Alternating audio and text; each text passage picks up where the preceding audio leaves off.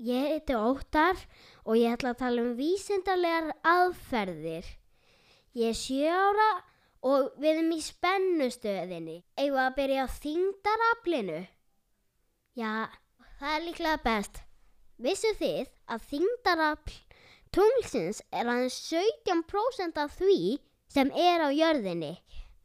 Og það er, það er bara rosalega ótrúlegt. Ég veit. En vitið þið að ef, ef ekkert loftið geimnum, hvernig getur þá þingdarafl við það? Kanski, kannski mun einhvern tíman ná að komast þingdarafl inn í geimin ef maður næra finna út hvernig er hægt að setja loftið þangað. Því að það er loftið sem býr til þingdaraflið, ekki satt? Jæja, mér sýnist þetta að vera nóg þingdarafli núna. Eigum við ekki að prófa að tala um tilraunir eða landafræði? Segjum bara landafræðina. Sko, vissu þið að það er hægt að búa til arabist höfuðsjál og líka hirðingetjald? Og það er hægt að búa til ananastrið, sólblómaakra sem eru stærri en þú sjálfur? Í alvöru? Ég segi þetta satt. Jæja, en ha, sko, ég skal segja ykkur hvernig var búið til aðabist höfuðsjál.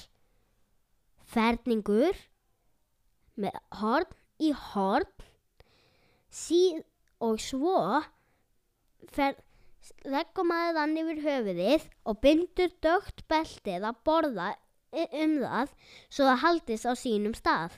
Næst hirðingja tjaldið, maður það bara að leggja la, stort lag yfir borð.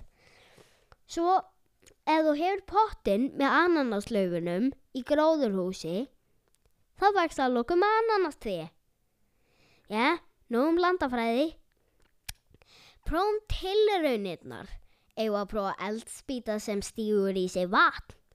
Sko, sko, það er nefnilega þannig að, ma að maður nota kennaðategjó, setur það á disk í va með vatni, setur síðan eldspýtu, kveikir á henni og síðan býður maður og allt í einu slokknar á kertinu. Svo er líka hægt að geta eldgós á tungunni. Á tungunni? Í alvöru?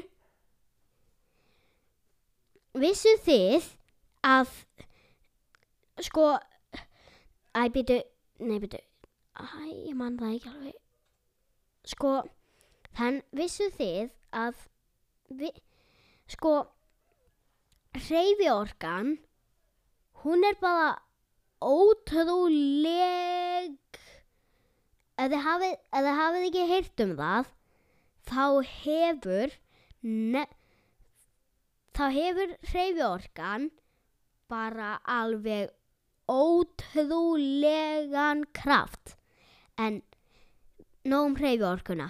Vissu þið að spendir hafa feld og til dæmis til dæmis snjóhjarar þeir geta lifað á norðupólunum út af því að þeir eru með dummjúkan og þykkan feld í alvöru. Afsækið að ég hækkaði hljóði og mikið.